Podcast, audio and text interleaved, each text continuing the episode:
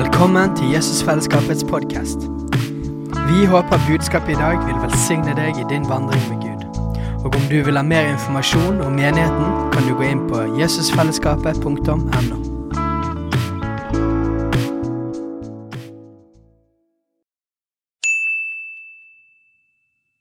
Hei! Visste du at Jesusfellesskapet starter en ny bibelskole til høsten? Den heter Jesusskolen og starter den 3. september. Gå inn på jesusskolen.no for mer informasjon. Vi må gjøre noen ting før det. Kunne vi reist oss opp, alle sammen? Og så Til vanlig pleier jeg å be folk å be, men det skal vi ikke i dag. I dag skal vi rett og slett hilse litt på de som er rundt oss. Ja, det er litt, eh, litt folk som er besøkende her, og nye som er kommet inn i menigheten, og folk som er bare for første gang og sånn. Så la oss hilse litt på folk og Ja, så kan man hilse på de som sitter på galleriet, så kan man vinke til de. Hei! Har vi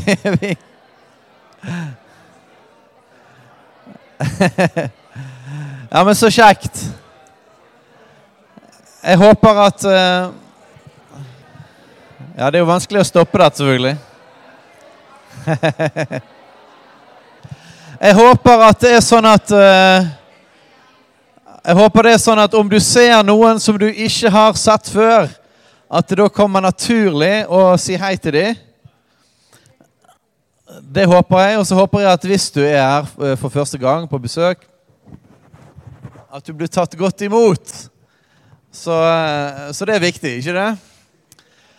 Eh, Gud har gjort utrolig mye. Det er mange mennesker som har eh, fått et møte med Gud, og folk som har blitt frelst de siste par månedene. Og eh, Neste søndag skal vi høre litt mer om det. Men jeg så Svein var her, så tenkte jeg Svein, kunne ikke du fortalt om han eh, gamle kameraten din, han som døde? Og det som det, du fortalte meg nå for forleden òg. Kunne du ikke gjort det? Vi må høre litt om ting som Jesus gjør. sant? Ja, Guds fred. Ja, eh, her For et par måneder siden så var jeg, jeg mye på Korskirken i rusmiljøet. da. Så møtte jeg på en kompis som jeg ikke har sett på 35 år. Og Så gikk jeg bort til han. Han kjente meg igjen. Eh, og så sto det ikke så bra til med han. da. Så spurte jeg eh, om å få be for han, og så hadde han veldig vondt i buken her. Så sa jeg det at, og så hadde han, han hadde blod i, i avføring og forskjellig, så jeg sa du må komme deg til lege umiddelbart. Så jeg.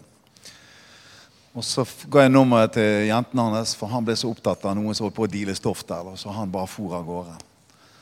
Og så får jeg en melding en uke etterpå at, at han eh, da er kommet opp på Haukeland sykehus og har fått kreft. Så reiser jeg opp der, og da er han godt på trynet. For å si det sånn. Han hang nesten med hodet ned i bordet der. Men jeg sa det hvordan med, hva med Jesus sier til han? Jeg har lagt livet mitt i Guds hender. sa han. Ja, det holder ikke seg. Du må gi livet til Jesus. Jesus må komme inn i hjertet ditt. sier han. Og så, eh, så ja. Vil ikke du ha Jesus inn i hjertet ditt? Og sier jo, det vil han. Og så ba han frelsesbønn etter meg. Selv om han var helt på trynet. Så ba jeg for han etterpå, og så eh, hadde vi stevne i Bergen her ute på, ute på Tertnes, så får jeg en melding om at han er kommet på palliativ. Og det er jo Røde Kors sykehjem. Det er jo siste instans før, de, før døden. da.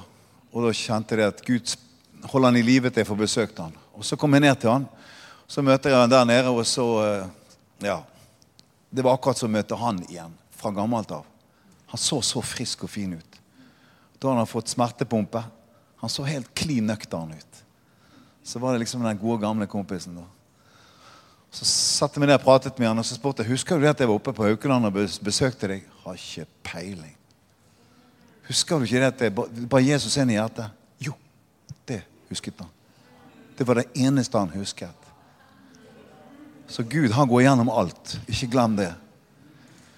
Og så sitter jeg der og prater med en vitner for han, så kommer sønnen inn. Og så Jeg bare fortsetter. Jeg tenker han skal få høre evangeliet, han òg.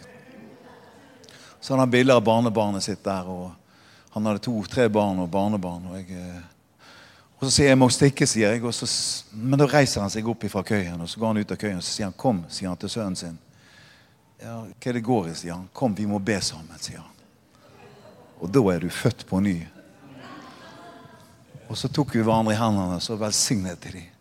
Og hele himmelen kom ned. Det kan jeg love deg. Hele himmelen kom ned i rommet der. Og de fikk et møte med Gud. Og så endte det med opp en lang historie kort. Og så jeg ønsket det at hvis han, han hvis du reiser hjem før meg, så må jeg få lov til å si noe i begravelsen din, og omvendt hvis det måtte skje. Men han lå jo på palliativ, sant? ikke sant? og jeg ba han om at han måtte få en stund med ungene sine. Og han fikk tre og en halv uke, faktisk. Og så døde han. Og så eh, Så får jeg tak i broren, og så eh, ender det med at han eh, tar kontakt med, med datteren hans, og hun sender melding til meg. De skulle egentlig ikke ha noen tale i, begravelsen, men jeg var hjertelig velkommen til å kunne si noe. Og det ble jo jeg glad for. da. Så, så der reiste jeg og uh, fikk lov til å si noe i begravelsen der. Uh, og der var jo en del uh, kjenninger. folk, ja, kjente folk. Så jeg bare ga gass. Der fikk de evangeliet. da. Men jeg sa det at han, Jonny han er hjemme. Han har tatt imot Jesus. Amen. Og hvis du har tenkt å se han igjen, så du må ta imot han. Ikke sant? Så jeg forkynte om den fortapte sønn som dro til et land langt borte og brøt masse grenser for å komme til det landet da, med å lyge, stjele, ordet. Ikke sant? Men han kommer til seg sjøl en dag, og jeg tror det traff alle de som satt der. da. For alle bryter vi bare noen grenser. Ikke sant? Så evangeliet ble forkynt, og så etterpå så, så møtte jeg på hun presten. Så, så hun, og det var faktisk eh, moren til en som går på gaten i byen her. Så hun var jo så hyggelig. Og så hun sier du må være med på flere begravelser. du, sa hun til meg. Så,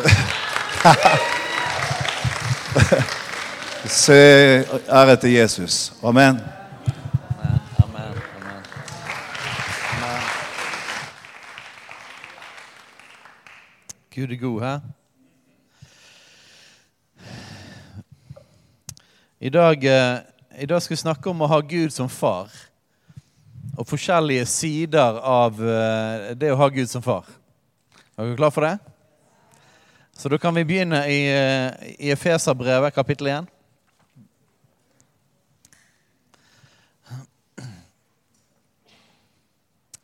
Det er sånn at jeg, har, jeg har veldig hjerte for å Det de gamle kalte å forkynne hele Guds råd. At, eh, at vi forkynner et helt evangelium, at vi forkynner eh, så godt som vi har nåde for, eh, eh, hvordan Gud er og alle hans sider. Sånn at vi lærer å kjenne Han som han faktisk er.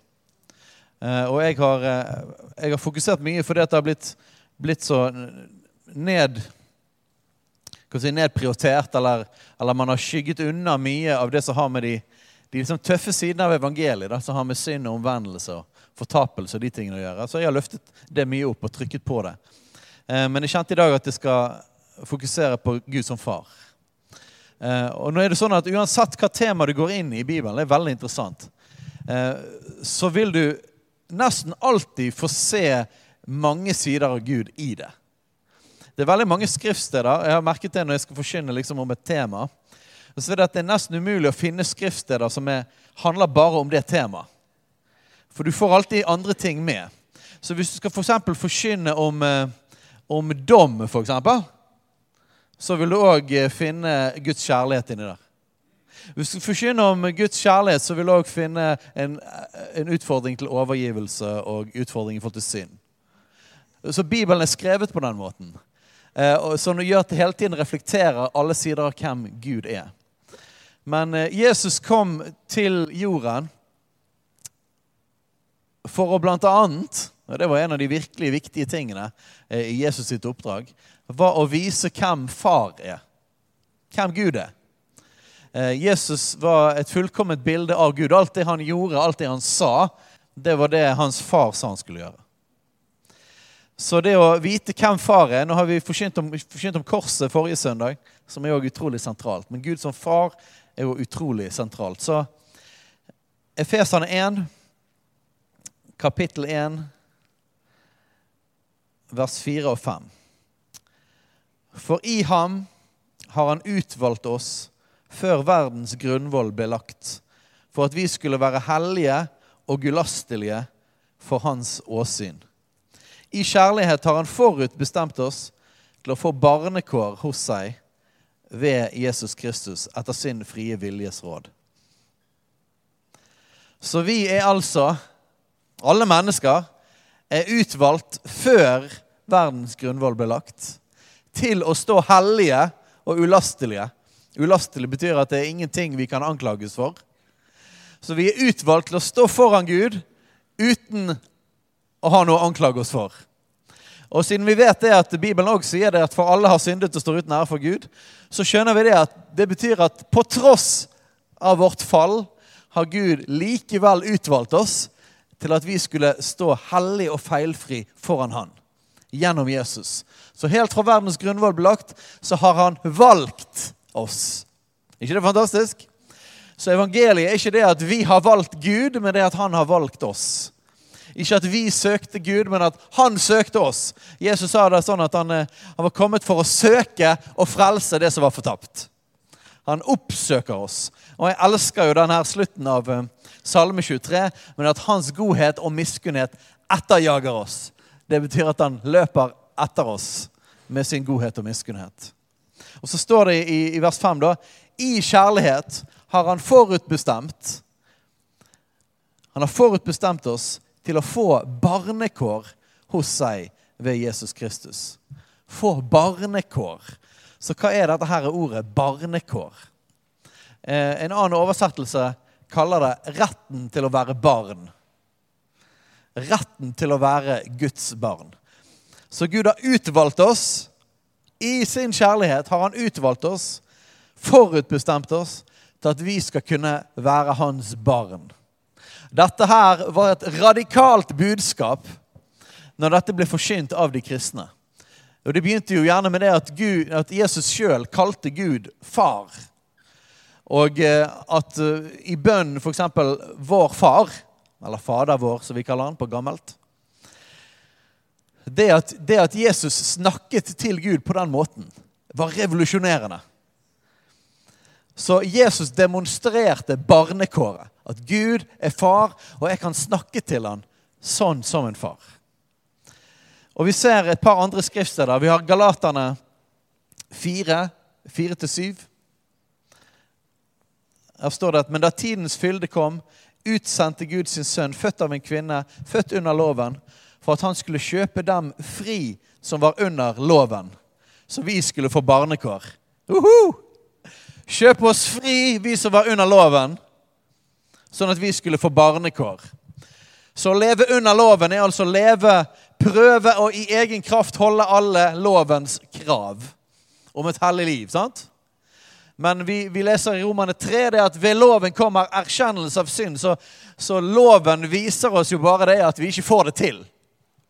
Og når vi i egen kraft prøver å få loven til, vi prøver å holde loven, så merker vi det at vi, vi bare er i fangenskap fangenskap i vår egen kraft, i vår egen synd. Så Gud ville kjøpe oss fri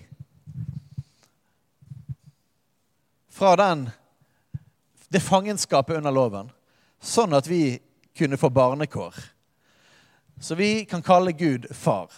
Og fordi dere er sønner, står det videre, har Gud sendt sin sønns ånd inn i våre hjerter, som roper 'Abba, far'. Og Abba er altså det armeiske ordet for pappa som er enda mer radikalt. Bare det å kalle Gud for far var radikalt. Og her tar det enda lenger. Til og med bruke det mest intime ordet for far. Pappa. Så vi, skal, vi er kjøpt fri fra trelldom under loven, sånn at vi kan være Guds barn, og vi kan kalle han pappa. Så er du da ikke lenger trell. Du er ikke lenger trell, ingen slave lenger, men sønn. Men hans barn men er du da sønn, da er du også arving innsatt av Gud. Ikke det fantastisk? Vi er blitt arvinger. Vi er Guds barn. I Romane 8 står det om, omtrent det samme. Romane 8, 15-17. Dere fikk jo ikke trelldommens ånd, så dere igjen skulle frykte, men dere fikk barnekårets ånd, som gjør at vi roper 'Abba, far'. Barnekårets ånd som gjør at vi roper 'Pappa, far'. Ånden selv vitner sammen med vår ånd at vi er Guds barn. Men er vi barn, da er vi også arvinger. Vi er Guds arvinger og Kristi medarvinger. Så sant vi lider med ham, for at vi også skal herliggjøres med ham. Vi er Guds arvinger og Kristi medarvinger. Så evangeliet handler om at gjennom Jesu død på korset og oppstandelse så tok Jesus all vår synd, sånn at vi ikke lenger skulle være treller under loven, men at vi skulle være kjøpt fri til å bli Guds barn. At vi nå har full tilgang inn i det aller helligste gjennom Jesu blod. Og jeg blir aldri ferdig. Jeg vet jeg deler dette stadig vekk. Men, jeg, men det har grepet meg sånn, hele dette eksempelet om sønnen til John F. Kennedy. Den historien om, om sønnen som løpte, kunne løpe inn på det ovale kontor. John F. Kennedy, den, en av de mest kjente amerikanske presidentene. Vi vet jo det at den eh, amerikanske presidenten er den mektigste enkeltpersonen på jorden. sant? Og vi vet det at uh, ingen kan bare uinvitert løpe inn i det ovale kontor eller inn på Det hvite hus. Da vil det gå deg galt. Vil ikke det? Da blir, da blir, du tatt, og hvis du er litt for aggressiv, blir du sikkert skutt. Så du kan ikke komme inn, inn i det aller helligste inne på det ovale kontor uten å være invitert der. Og så er det en historie om en, om en livesending, en fjernsynssending med John F. Kennedy fra det ovale kontor, der visstnok sønnen, som òg het John F. Kennedy jr., kom løpende inn og satte seg på fanget til faren. Så den samme personen som er verdens mektigste person, kan eh, trykke på atomknappen sant? og gjøre alvorlig, alvorlig gale ting eller heftige ting rundt omkring på jorden. Den samme personen, for sønnen hans var han bare pappa. Og jeg synes Det er et utrolig godt bilde på hvordan det har Gud som far. Og hvordan holde sammen dette med at Gud er mektig. Gud er hellig. Gud er, Gud er til og med farlig. Men ikke for oss for vi er hans barn. Så Gud er både den kjærlige far og den mektige og den hellige. Og det er ingen motsetning. Det er den samme Gud. Barnekåret er å kunne løpe rett inn på det ovale kontoret og sette seg på fanget. Jeg skal bare ta et par sånne ting om hva det betyr at Gud er far, eller hvordan det er å ha Gud som far. Og nummer én far elsker oss. Så det viktigste og det første er at som barn så er vi elsket. Et par bibelvers på det. 1. Johannes 4, 7-10.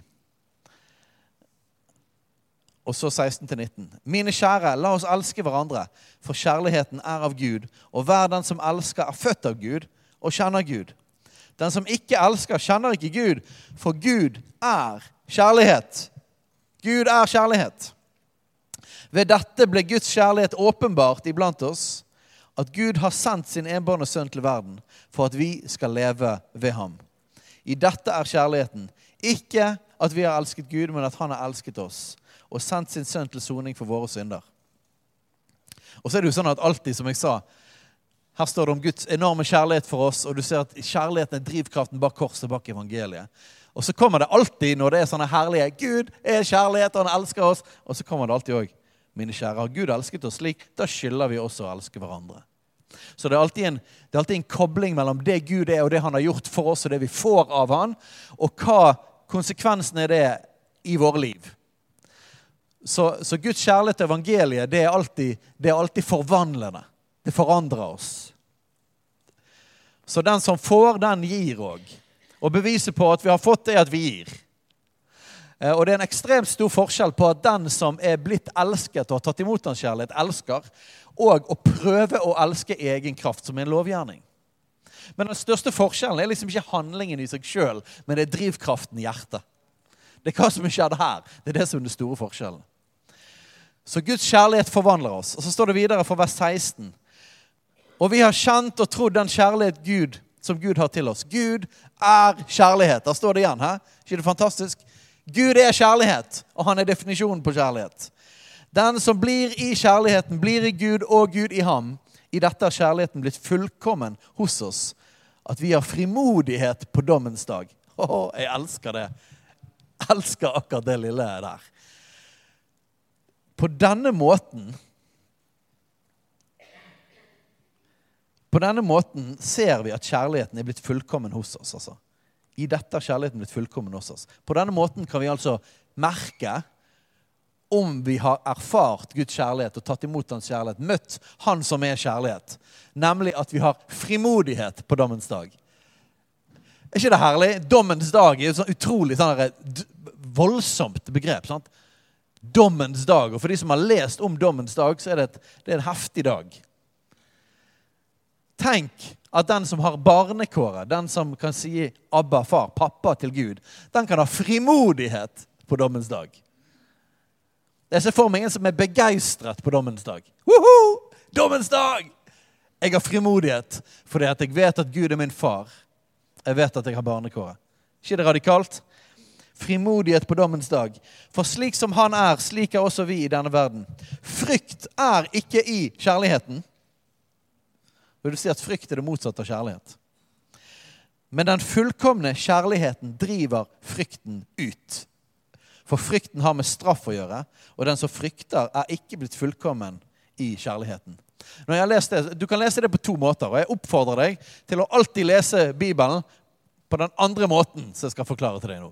Ok? Nummer én, du kan lese dette som Det er ikke frykt den som frykter, ikke blitt fullkommen i kjærligheten. Så kan du tenke har jeg noen gang fryktet? Er jeg redd noen gang? Og jeg har en mistanke om at kan, et, en del prosent av oss kan si ja på det. Ok? Og da kan man si det at å nei, jeg frykter. Så jeg er tydeligvis ikke blitt fullkommen i kjærligheten. Det var dumt. Ja, enda en ting jeg ikke får til. Sånn kan du lese det. Eller så kan du lese det sånn. Det er mulig å bli fullkommen i kjærligheten og bli fri fra frykt. Det finnes noe tilgjengelig i Guds kjærlighet for meg som gjør at jeg kan bli helt fri fra all frykt. Jeg kan faktisk bli Det fins noe som heter å bli fullkommen i kjærligheten. Og det er for meg for deg er hans barn. Halleluja! Du kan velge hvordan du vil lese det. Jeg oppfordrer deg til å alltid lese Bibelen på den måten. At når du møter noe som 'Å, der er ikke jeg', så les det som et løfte. Dette er tilgjengelig i Han. Halleluja! Vi er jo allerede kommet forbi dette med at, at vi har alle syndet og vi ikke klarte det sjøl. Og det var jo derfor vi kom til Jesus. Vi skulle ha kommet forbi det. Sant? Vi vet at vi ikke får det til sjøl, eller det handler om våre gjerninger.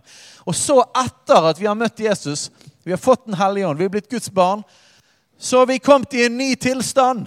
Og i den nye tilstanden så har vi muligheten til å vokse. Og vi kan vokse i modenhet, og vi kan vokse til å kjenne Han mer og mer. Og vi kan vokse til å bli mer og mer lik Han. Og det er en god gave fra Gud. På samme måte som den ufortjente frelsen og tilgivelse for synd er en gave, så er òg det å bli mer og mer kjent med Han, mer og mer lik Han, en gave fra Gud. Det er en del av Guds nåde. Halleluja! Så vi kan bli fullkommen i kjærligheten. Og man merker det på at man blir mer og mer fri fra frykt. I det siste faktisk begynte når både meg og Katrine vi har en sånn greie, vi, en sånn ting som vi jobber sammen med, med Jesus, med Den hellige ånd, med Faderen. Og vi har en lengsel etter å bli helt fri fra frykten for døden. Og Jeg husker spesielt Dag Rane, som kommer neste søndag misjonær i Albania. Husker han, han forkynte om det når han var her for et par år siden. Dette om å bli fri fra frykten for døden. For Hvis du er fri fra frykt for død, så er du fri fra frykt i det hele tatt. Da er det ikke noe mer igjen. Og jeg bare kjente det traff meg. For jeg har kjent at i tilfeller så har jeg vært redd for å dø. Spesielt vært redd for å etterlate mine barn farløse. Så det har vært en ting som liksom jeg har kjent at, at når det har tatt tak, så bare, ah, jeg er ikke fri fra dette. Så både meg og Katrine og Katrine har vært redd for tenk, tenk om eh, Steinar skulle dø. Og vi har opplevd, opplevd tragedie i familien. sant? Der, eh, der min eh, Der konen til Katrine sin bror døde for to år siden nå. Så, og det kan skape frykt, kan ikke det? Så vi har lagt det der på Jesus side. 'Jesus, helbred oss helt fra det der'. La oss få erfare din kjærlighet på sånn måte at vi ikke er redd for døden. At vi stoler på deg. At til og med om vi skulle dø, så går det bra med de vi etterlater oss. For du er en god far. Jeg, jeg skal ikke gå dit nå, men jeg, når Jesus sa dette her med at 'jeg er oppstandelse av livet', og 'den som tror på meg, skal aldri i evighet dø', husker du han sa det til Martha? Det bare gikk opp for meg plutselig for et par år siden at det han sier, basically Den som tror på meg, skal aldri dø. Så kommer jeg tenke ja, men vi, skal jo, vi kommer jo til å dø, vi òg, kanskje. Sant? Hvis ikke Jesus rykker oss opp. Men plutselig så bare skjønte jeg hva det betydde. Vi kommer aldri til å erfare døden. Visste du det? Vi kommer bare til å gå fra liv til liv. Vi kommer aldri til å noen gang oppleve døden. Vi lever med han her, og så lever vi han videre i en annen virkelighet. Det fins ingen erfaring av døden. Døden er det motsatte av livet. Og Jesus, han er livet. Halleluja. Vi går fra liv til liv. Det er noe helt annet enn å møte døden. Døden er en fiende. Og det er, det, Derfor er det tilgjengelig i Guds kjærlighet å til og med møte den fysiske død uten frykt. Og bare leve i hans nærvær i denne verden og så i neste verden. Har vi lyst til det, eller? Aldri møte døden.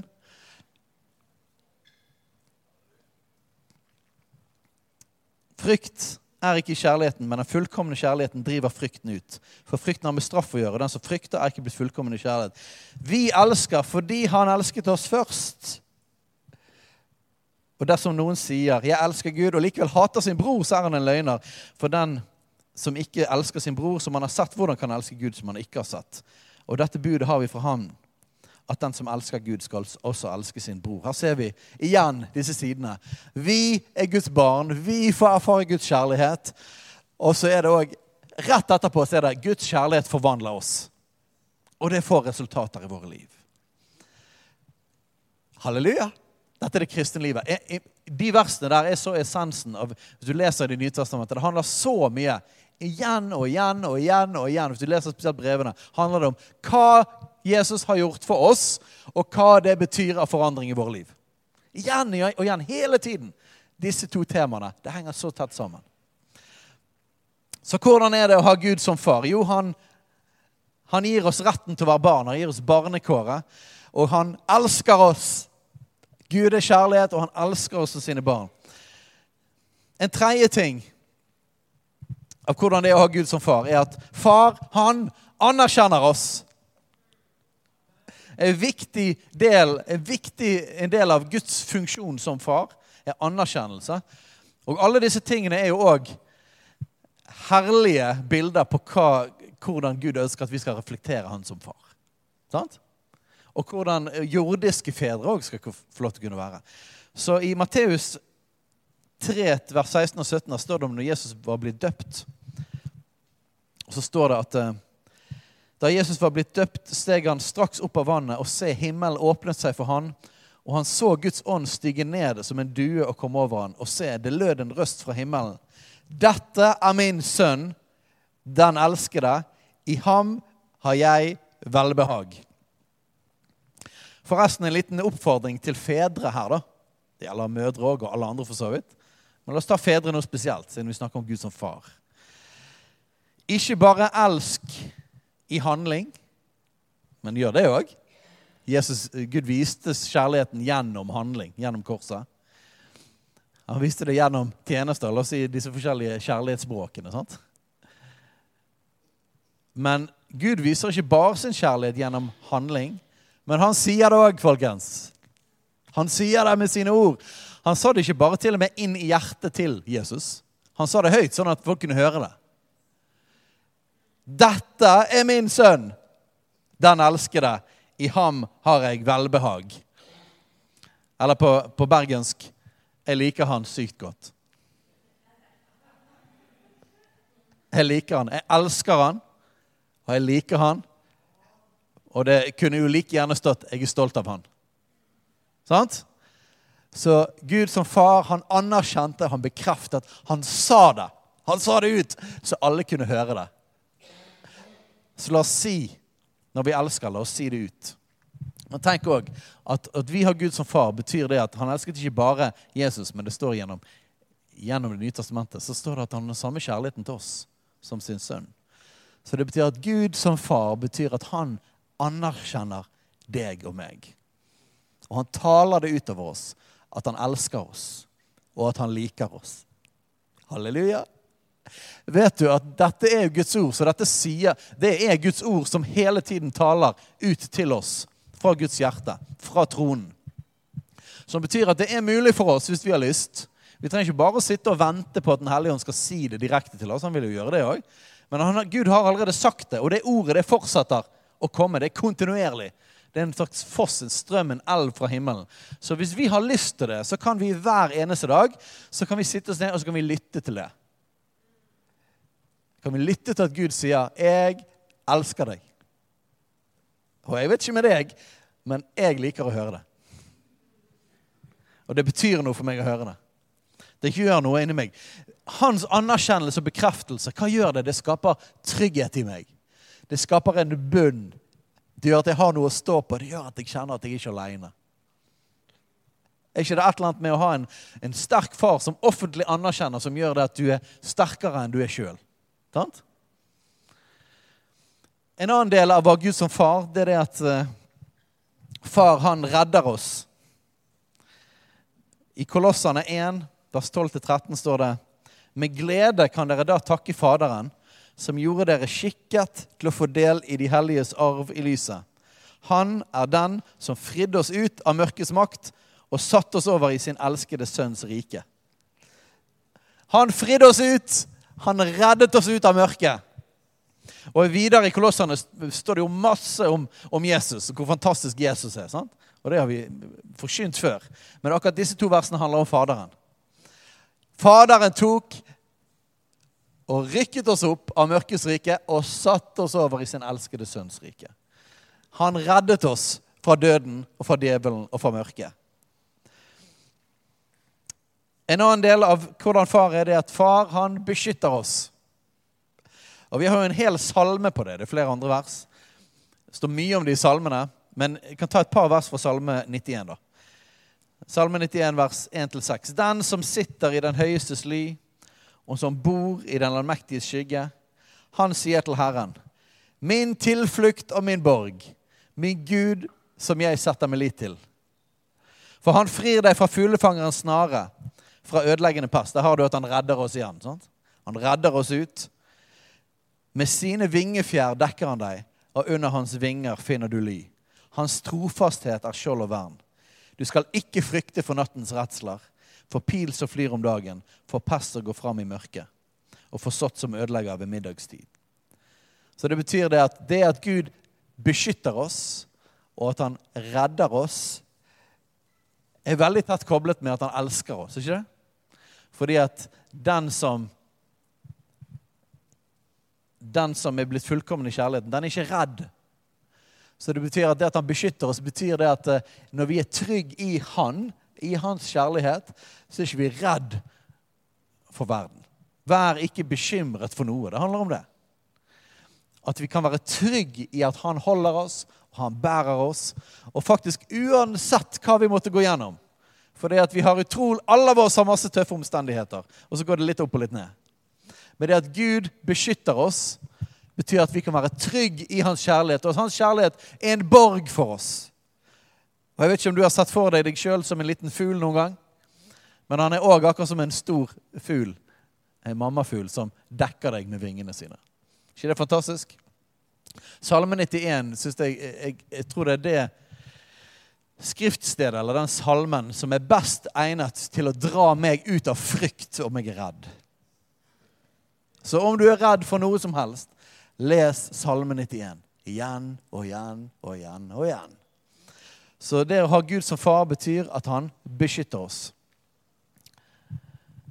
I 2. Korinterne, kapittel 1, vers 3 og 4, der står det at Gud er òg trøsteren Så å ha Gud som far betyr at far trøster oss.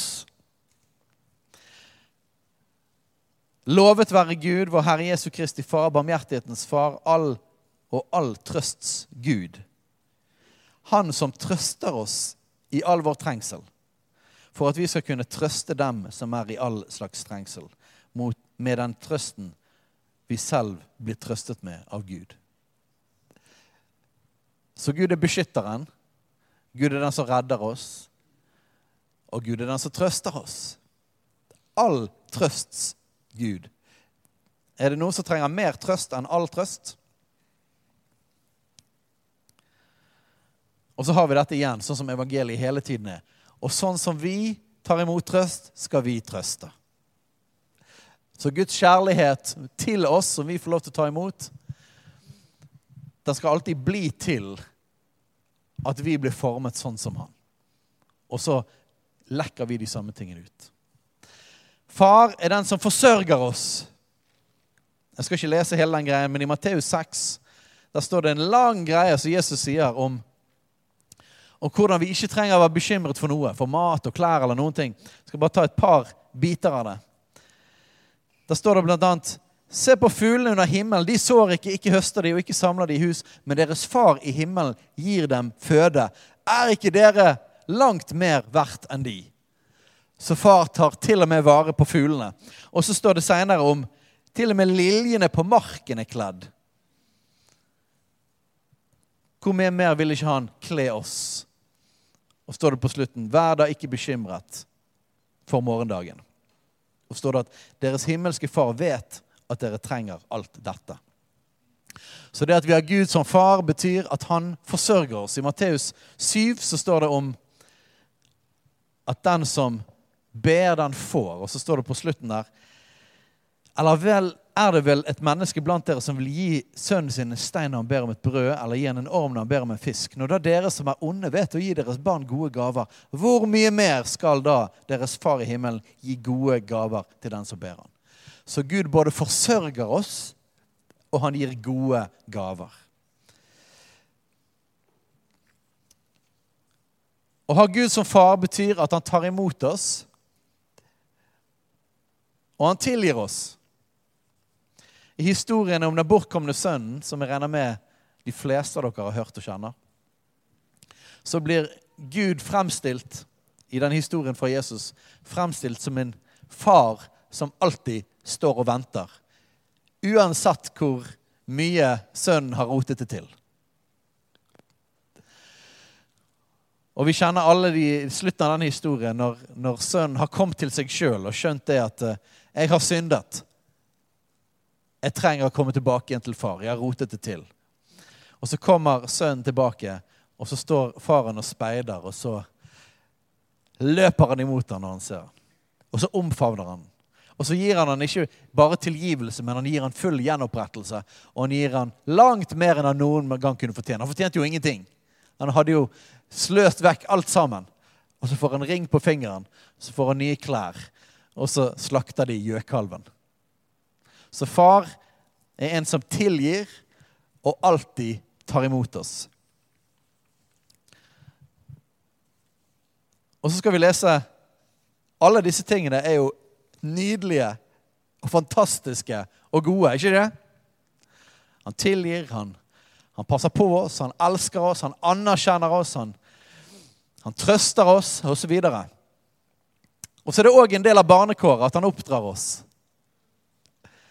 Og det er utrolig viktig at vi skjønner at alle disse tingene her er ingen motsetning til oppdragelse. For dere vet det, for dere som er foreldre, så vet dere det. Det å oppdra barna er ikke det motsatte av kjærlighet. Men det er kjærlighet. Er ikke det sånn? For det er best for oss.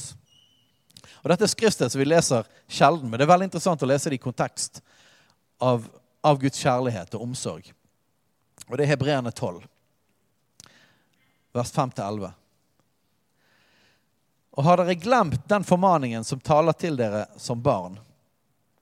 Min sønn, forakt ikke Herrens tukt, og mist ikke motet når du blir refset av ham.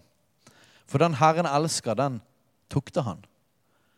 Og han hudstryker hver sønn som han tar seg av. Uh, hudstryker. Jeg tenkte, den, den var litt heftig. Jeg skal ikke gå inn i hva det betyr. Men det betyr oppdragelse på en utfordrende, en, en smertefull måte.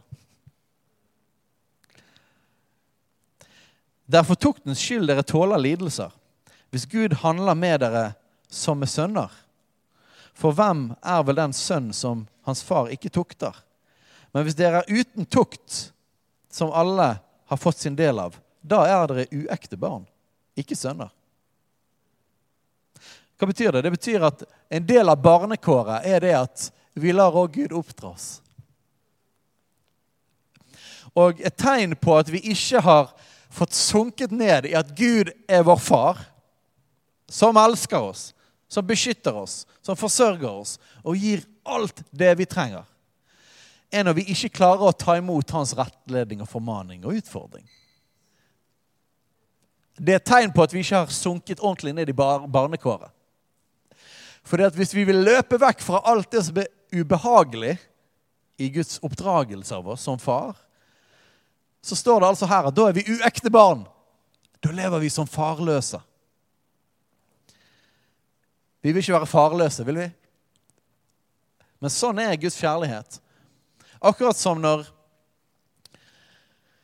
Jeg husker når vi akkurat hadde flyttet inn der vi, der vi, der vi bor nå. Det var en sommer. Og eh, hvor gammel var jo Sjua da? Vår yngste sønn. Kan han ha vært to-tre år? noe sånt? To år. Han var iallfall den alderen at han fortsatt gikk med bleier, og at han stakk av. Og eh, på et eller annet tidspunkt der mens vi driver og flytter inn, for det var mye styr med innflytting, og sånn som det der, så plutselig hører vi noe voldsom tuting og sjauing nede fra veien. Og en eh, mann som driver og roper, og er tydeligvis sint eller et eller annet. Og så var første det du tenkte på Hvor er Joshua? Du vet de her Oi, jeg, mist, jeg har mistet oversikten noen minutter her av hvor han er. Så løper jeg ned der, og da ligger, eh, ligger eh, Joshua da med Han har bare bleie på og støvler. Og så ligger han liksom i grøften nede i, eh, nede i gresset der, og så skriker han. Og så er det en ganske sånn oppøst, eh, sint mann. Og hvor er liksom foreldrene? For da har det vist seg at at han kom kjørende der sant, i god fart. Og så står altså Joshua midt i veien med bleie på og støvler. Og nå vet jeg ikke om det alltid er den beste reaksjonen å bli sint når man finner igjen noen som, eh, sant, det er noen som har prøvd å kanskje tro at de har mistet et barn, og så finner de igjen, og så blir man sint. Men jeg tror veldig mange foreldre har opplevd akkurat den koblingen mellom at man blir sint, som egentlig handler om kjærlighet, Skjønner dere hva jeg snakker om her? Og han Mannen han ble sint fordi at fordi at han følte at ikke vi hadde passet på gutten vår. Men òg fordi at han var redd. Fordi at han holdt på å kjøre ned et lite barn. sant? Og mange ganger hvis barna, hvis barna holder på å løpe ut i veien, så blir man tydelig. Blir ikke man det? Man sier ikke 'Kjære deg'. Man har ikke tid til det. Så kjærligheten gjør at man ikke gå ut! Og nå mener jeg ikke at det er en god løsning som foreldre at skal liksom, man skal skjelle ut barna sine når de gjør sant? Det kan ofte være en sånn fryktreaksjon som ikke er bra. Men det finnes, jeg prøver å forklare denne her mekanismen av at kjærligheten kan òg være streng. For det handler om å beskytte. Det handler om at man elsker noen så mye at akkurat om du føler deg komfortabel akkurat nå, er faktisk ikke det viktigste. Det viktigste er at faktisk vi reddet livet ditt. Skjønner du? Så det er en del av kjærligheten. Og ofte i oppdragelse så, så tenker Oppdragelse ser ofte ut som at det er kanskje ubehagelig for deg nå, men det vil være bra for deg i framtiden. Sant? Så dette er kjærlighet som at det føles ikke bra nå, men det vil føles bra i framtiden. For hvis ikke du lærer rammer og grenser nå, så vil du ikke få et godt liv. Ingen vil like deg. Du vil ikke klare å fungere som et sunt, voksent menneske. Og du kommer ikke til å ha det bra sjøl. Og mange i vår kultur så er det sånn at vi, vi blander dette her med ubehag og hat. Vi tenker at alt som er ubehagelig, det er hat. Og så tenker vi at kjærlighet det er alt som er behagelig. Men det er ikke sånn. Gud elsker oss. Han forsørger oss. Han er stolt av oss. Han passer på oss. Og vi kan erfare hans kjærlighet, og det oppleves godt. Hans omsorg. Men det er ikke en motsetning av at Gud er far, at han også er streng og setter grenser. Det er en del av hans kjærlighet. Og i vår kultur trenger vi å lære dette. Hva er kjærligheten? Det som er best for oss. Det å, det å ville det beste for oss. Ikke bare akkurat nå, hvordan vi føler det, men for resten av livet. Sånn er Gud. Du vet at det er en enorm trygghet å ha en pappa, en ABBA-far, og ha barnekåret som jeg kan komme til i alle ting. Jeg kan komme og si hva jeg vil til han. Jeg kan få ut min frustrasjon, jeg kan få ut mine lengsler, jeg kan få ut mitt sinne. Jeg kan få trøst av han. Og Jeg vet ikke om du har opplevd det samme, men veldig ofte når man står i utfordringer, så spør man Gud hvorfor. Hvorfor skjer dette? Og jeg, jeg, tror ikke jeg personlig noen gang har fått svar på mine hvorfor-spørsmål. Er det noen her som har fått svar på dem? Men det jeg pleier å høre, det var 'Gud, hvorfor skjer dette?' Hvorfor? Det jeg pleier å høre, er 'Jeg elsker deg'. Det gir meg ikke det jeg tror jeg trenger. Det gir meg det jeg egentlig trenger.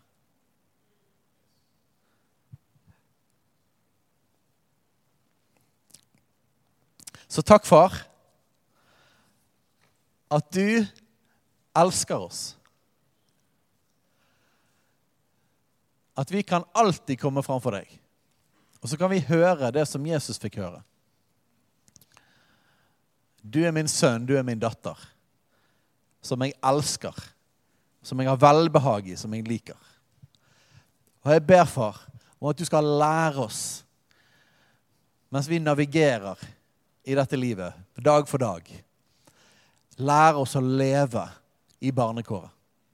Ikke igjen gå under trelldom. Ikke leve som farløse. Ikke leve i strev, og ikke leve i frykt. Men at vi alltid kommer til deg, og at vi alltid kan komme til deg. Og at vi kan hvile i at du er vår far, du er vår pappa, og du elsker oss så takker jeg deg for at du holder oss og bærer oss, og at du vil gjøre oss fri mer og mer fra frykt gjennom din kjærlighet. Og jeg takker deg for at til og med frykten for døden skal få gi slipp. At vi skal få leve i ditt nærvær. Dette er det evige liv. Å kjenne Ham. At vi skal få leve i det evige liv og kjenne deg som far.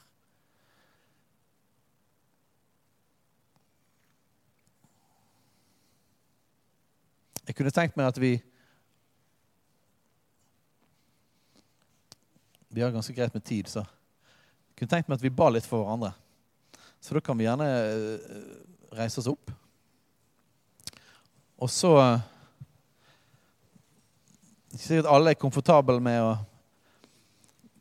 Hvis du er liksom på besøk her og sånne ting, så du, du må ikke be noe fryktelig høyt, eller et eller annet sånt, men det vil være nok folk rundt deg til at dere kan be sammen. Så hvis vi finner sammen sånn tre stykker cirka, så har jeg bare lyst at uh,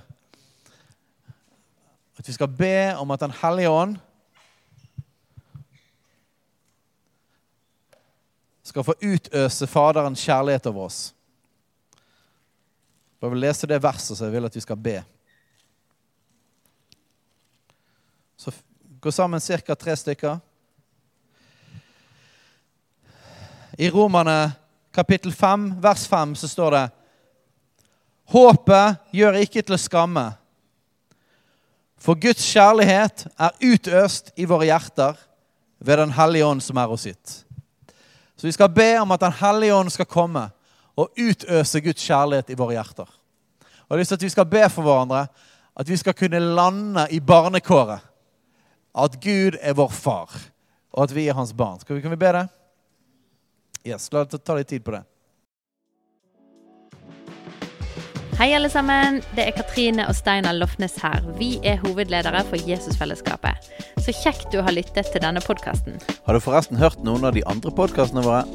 Ukens tale, Disippelskolen, Hyrdepodden, Kulturkrigen og Mammas hjerte. Du finner disse podkastene på Spotify, Apple Podkaster og på nettsiden vår jesusfellesskapet.no.